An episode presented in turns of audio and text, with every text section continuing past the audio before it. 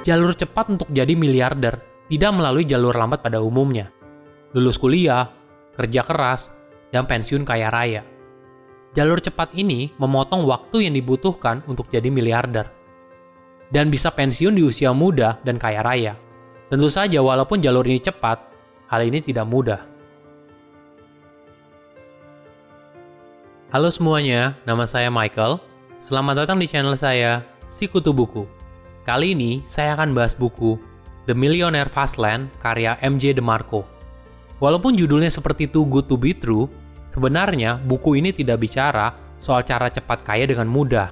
Marco tidak bicara soal cara jadi kaya lewat pasar saham atau trading, tapi Marco mengambil jalan wirausaha sebagai jalan yang dia sebut sebagai The Millionaire Fastland. Marco beranggapan kalau kita tidak akan pernah menjadi miliarder jika kita masih menukar waktu hidup kita dengan uang. Simpelnya, buat uang bekerja untuk kita. Dan pada akhirnya bisa memberikan kita kebebasan. Saya merangkum tiga pelajaran penting yang ada di buku ini.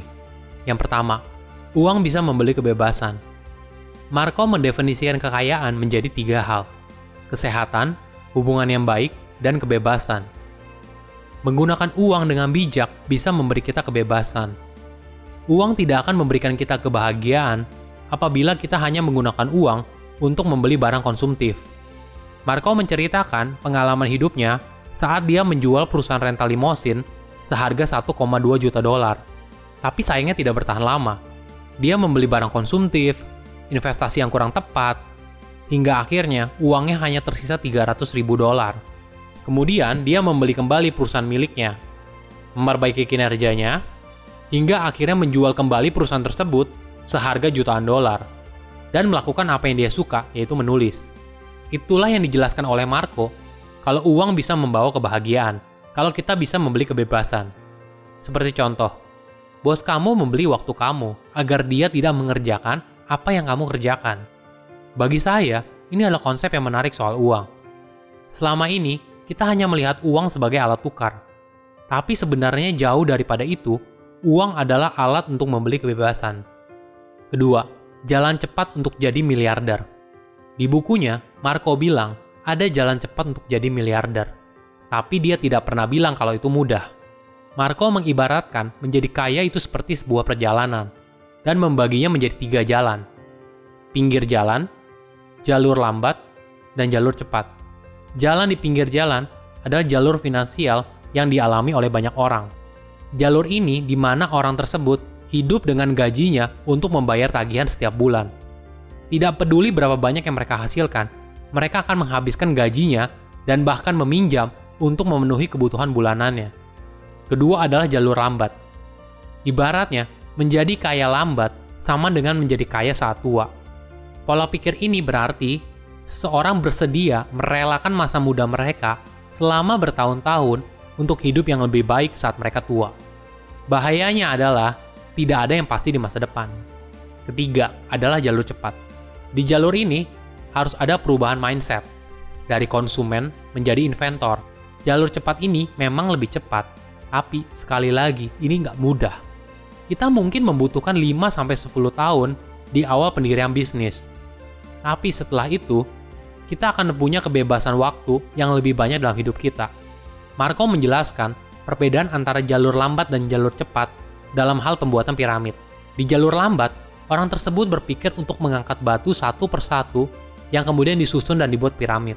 Tentu saja cara ini nggak efisien dan membutuhkan waktu yang sangat lama.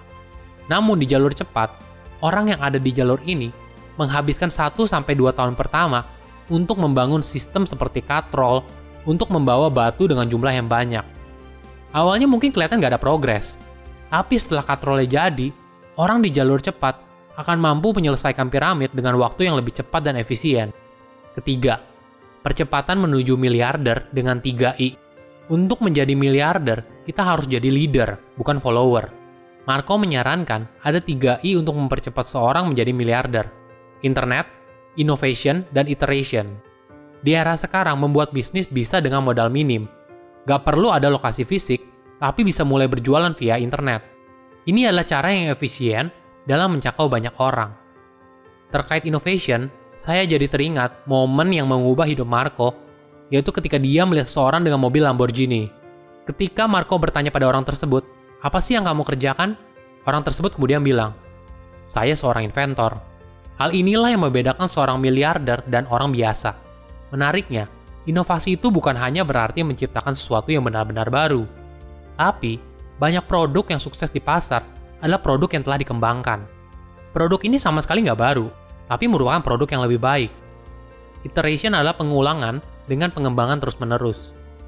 Perbedaan mendasar dari orang yang sukses dan orang pada umumnya adalah soal kegigihan.